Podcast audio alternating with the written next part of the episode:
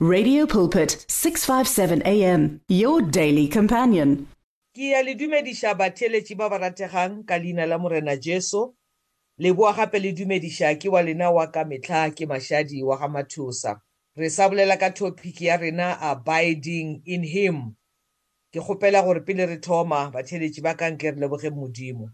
Morena wa rena ka leina la morena jesu re tla go wena. Ka dipelo tše di tletšeng tebogo gore re sa kgona go ruta ko wena le ditsebe tša rena di sa bulegile go ka go kwa. Kgoši ya go loka letšatši la mamotlha re ya go mema e tla o tlo re ruta re tlo go kwa re tlo kgona go sepela ditseleng tša gago ka bokgethwa. Re kgopela tšotlhe leineng le lebotse la morena jesu. Amen. Motheletši wa ka re sa bolela ka taba ya go hwa mo moreneng. Go latlha tšotlhe tše re tšwang le tšona bophelong bja rena bja kgale go apara motho o moswa mo go morena jesu re badile mantswe a poulo maneng a bolela taba ya gore I have been crucified with Christ, and it is no longer I who live, but it is Christ who lives in me. Motheletši wa ka, I really want us to always remember gore taba ya go sepela le morena Jesu e thoma ka lehu. You must just make sure gore you don't bring anything from your past life o e tla mo go morena Jesu because it is going to temper with your walk in the Lord. It is going to sabotage you. O ka lebelela bophelo ba motho a tshwanang le Judas Iscariot. O rile ge a etla mo go morena Jesu ga mmogo le baapostola ba bangwe a se latlhe tsotlhe, you know, a tla le lerato la gage la go rata tšhelete. Nantse a ema-ema le barutwana ba morena Jesu a ema-ema le morena Jesu. Ge ba tsena ka mo a tsena le bona. Ge ba etswa a etswa le bona. Ge ba fasta a fasta le bona. Ge ba ija a ija le bona. Ge ba robala a robala le bona a tsoga le bona. Mara a tla a kukile taba yela ya lerato la go rata tšhelete. So le a tseba gore ntwela a tlileng le yona mo go morena Jesu e mo feleditše kae. O feleditše le gore ke motho e leng gore o ile a eka morena Jesu. Ka baka la yona ntho e le ya go rata tšhelete. A feleletša ebile e le motho e leng gore o ile a feleletša a ipolaile mafelelong. So those things that you bring with bo go morena jesu wa se di dumelele gore di ikgwe motheletši wa ka. Wa se di crucifye le morena jesu. Wa tšwela pele o ntse o sepela le tšona they are going to sabotage you. And mafelong they are going to kill you. They are going to make you lose your salvation. Morena jesu o re apart from me ye can do nothing. Ke diverse tše bentši re di bolela bekeng e let me just recap a bit re baleng uh, john 15 verse 16 ye be e we have actually been given uh, appointment letters in our, hands. Mola ra hwang le morena jesu. Re you did not choose me but i chose you and i appointed you. That is why kere we have been appointed re hirilwe re filwe di-appointment letters. O re and i appointed you to go and bear fruit fruit that will remain so that whatever you ask the father in my name he will give you. You know ke bala mantšua ke gopola taba ya di-ambassadors you know? It's as if now we are here to represent the kingdom of god. In the kingdom of God, fruit is produced by people who have died in, in the Lord, people who have been appointed by God, people who have been appointed by heaven to come and bear fruit on earth.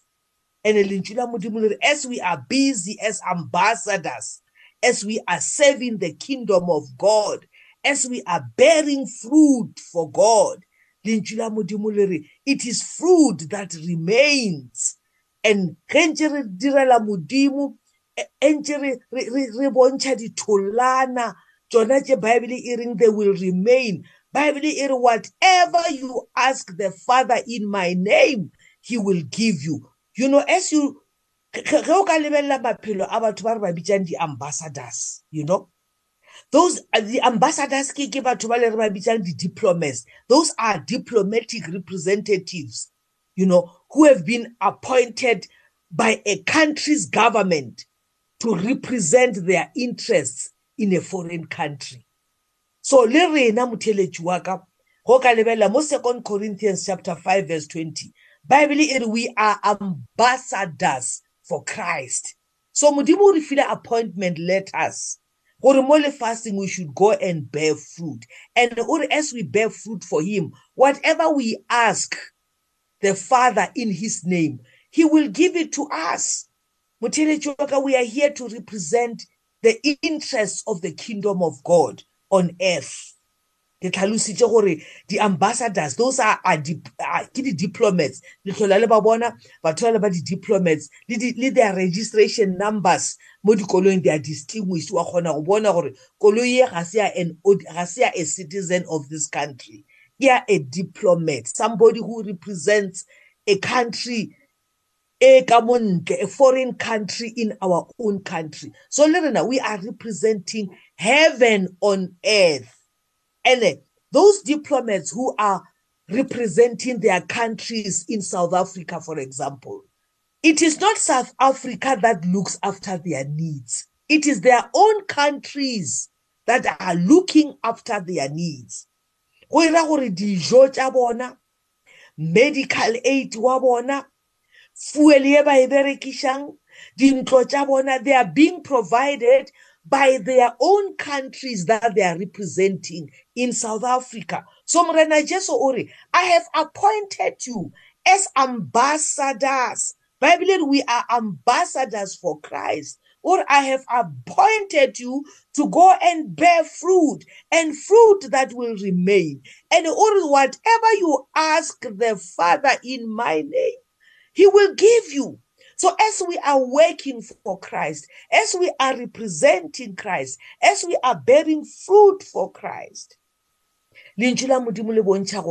our needs are being met or looked after by heaven itself. Modimo o re ge ntse le tswela pele ka di-appointment letters tša lena le dira mošomo wa modimo bearing fruits for god. Or whatever you ask the father in my name he will give you. Ke modimo motheletši wa ka who provides for us. Ke yona khutso e re tsenang mo go yona mo go morena jesu. We don't have to worry about what we shall eat what we shall drink what we shall wear. Already you can hear what i'm quoting another scripture e bolela mantswe ya gore seek ye first the kingdom of God, and all these things shall follow. You know, ntho ke e ratang ka lentswe la modimo lentswe la modimo is consistent is sorry is consistent. The principles tsa modimo they are consistent. Ge re le mo go modimo he provides everything that we need. So ge re le mo go modimo motheletši wa ka we are not expected go nyakaza go ema-ema go hasela you know. Ke dilo tse e leng gore di khuditše ge re fitlha mo go morena jesu. Ge re fitlha mo go morena jesu he is the one who provides for our needs. Ke ile ka ge ke thoma ka tlhalosa taba gore ge re le mo go morena jesu re kry-a salvation re kry-a healing re kry-a deliverance re kry-a provision ya modimo re kry-a protection ya modimo. Ke mo tafita ebile a neng a bolela mantswe ya gore he that dwelleth in the secret place of the All, almighty shall abide under his shadow. And he shall say of the Lord, He's my refuge and my rock in whom I will trust. Tafita a ba bolela mo gape mo go Psalm 23 a bolela mantswe ya gore ge ke dutse mo go yena nka se tlhoke selo. O re even my cup overflows. Tso tsotlhe re di hwetša mo go yena. Morena jesu ge di dutse mo go nna whatever you ask the father in my name he will give you. This ambassadors ge le ba bona ba le in the country ga gona nto ba e tlhokang. You know their countries make sure gore ba na le dintlo ba na le dijo ba na le di-medical aid ba na le dikoloi everything e ba e needang ba e hwetša from their governments. So le rena re appointileng ke modimo motheletši wa ka everything that we need re e hwetša from our governments. And modimo does not expect us to be restless to be to be sweating re re ipotšiša gona re o ja eng re o nwa eng re phenika re leka go mo thuša. That thing is a sin mo pele ga modimo. I'm going to give you an example from the word of god. Mo e leng gore david actually sinned against god by panicking by worrying by trying to hustle. Go ka bala mo go first chronicles chapter 20 lentswe la modimo le bontšha ka mokgwa e leng gore david was given supernatural success in his battles in the wars that he was fighting. Modimo gave him supernatural success. He was able to overcome his enemies supernaturally so. Ke ntwe ke e tlhalosang gore ge re dutse mo go morena jesu everything that we need he supplies. He's the one who fights our battles. Go na le mo a ileng a tshepiša kgoši jehoshaphat and you don't need to fight in this battle. This battle belongs unto the lord. Le rena motheletši wa ka ge re le mo go morena jesu dintwa tša rena ga re a tshwanela go dilwa that is why bible e re le manaba a rena don't even curse them. Yours is just to bless them and to pray for them. You don't have to fight your battles. So tafita go ka lebela mo first chronicles chapter 20 ke gopela gore ka nako wa lena batheletši ba ka go and read first chronicles chapter 20 le boneng supernatural provision yona e morena jesu a bolelang ka yona gore eh, eh, i have appointed you to go and bear fruit that will remain so that whatever you ask the father in my name he will give you. There is supernatural provision mo go modimo. So first chronicles chapter 20 e bontšha bophelo ba tafita mo e leng gore o naelwa le ditšhaba tše di neng di tlhoile modimo. Gona mo e bolela ka setšhaba sa di-ammonites ba e leng gore lentšu la modimo le tlhalosa gore o ile a ba fenya. Supernaturally so he defeated them and plundered them. You know ba ne ba tshwere digauta ba ne ba tshwere di-crown tše ne di na le di-diamonds. Lentšu la modimo le tlhalosa gore by the hand of the lord david defeated them and plundered them. Ke mo go first chronicles chapter 20 go tswela pele lentšu la modimo le bolela gore there were also philistines that were, that were fighting against the nation of god. Bible e re those philistines they were descendants of the giants. You know e ne e le makgema e ne e le batho ba e leng gore ba ne ba le dinatla bible e re but david and his warriors killed them. Modimo a ba fa supernatural power. They were able to defeat even the giants. You know bible e re in another battle with the philistines they encountered a huge man with six fingers on each hand and six toes on each foot. Menwana gage go e bala bible e re there were 24 all in all. And they were also descendants of the giants. You know modimo a kgona go fatafita maatla to defeat that nation of giants. Supernatural power. So ke rata go bontšha motheletši wa ka gore ge re dutse mo go morena jesu ga gona ntwa ye e leng gore re tlo e loser.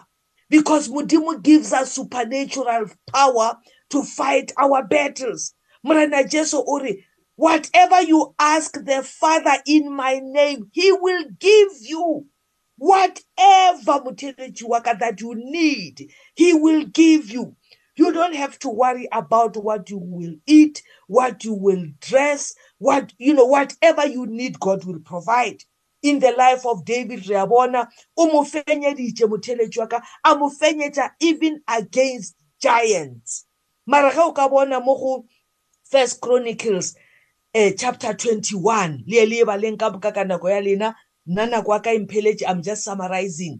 Bible e tlhalosa gore satan rose up against israel and caused david to take a census of the people of israel. Ka mantswe a mangwe after defeating those nations after seeing god's hand you know defeating the enemies even the giants for him somehow the devil caused David to panic. Atoma go worry about the capacity that he has to overcome his enemies. And he took a census. Atoma abala, do I have enough uh, uh, uh, soldiers? Is my army big enough? Is my army adequate? And he took a census and he sinned against the Lord by doing that. Modimo motheletšwa ka ga a nyake o panic regardless of the size of the armies that you are fighting against. you need to trust in the lord to know gore you are no longer the one who lives but he is the one who lives in you. Go tseba gore you don't have to fight in the battles of your life. He's the one who's fighting for you. So satan rose up against david and caused him to panic. A thoma go nyakaza a thoma go ema-ema he took a census. And he sinned against the lord re tlo bolela gape ka this issue motheletši wa ka nako wa ka impheletše may the good lord bless you The words of the Lord are words of life. Your heart is on 657 AM. 657 AM. Radio for believers in action.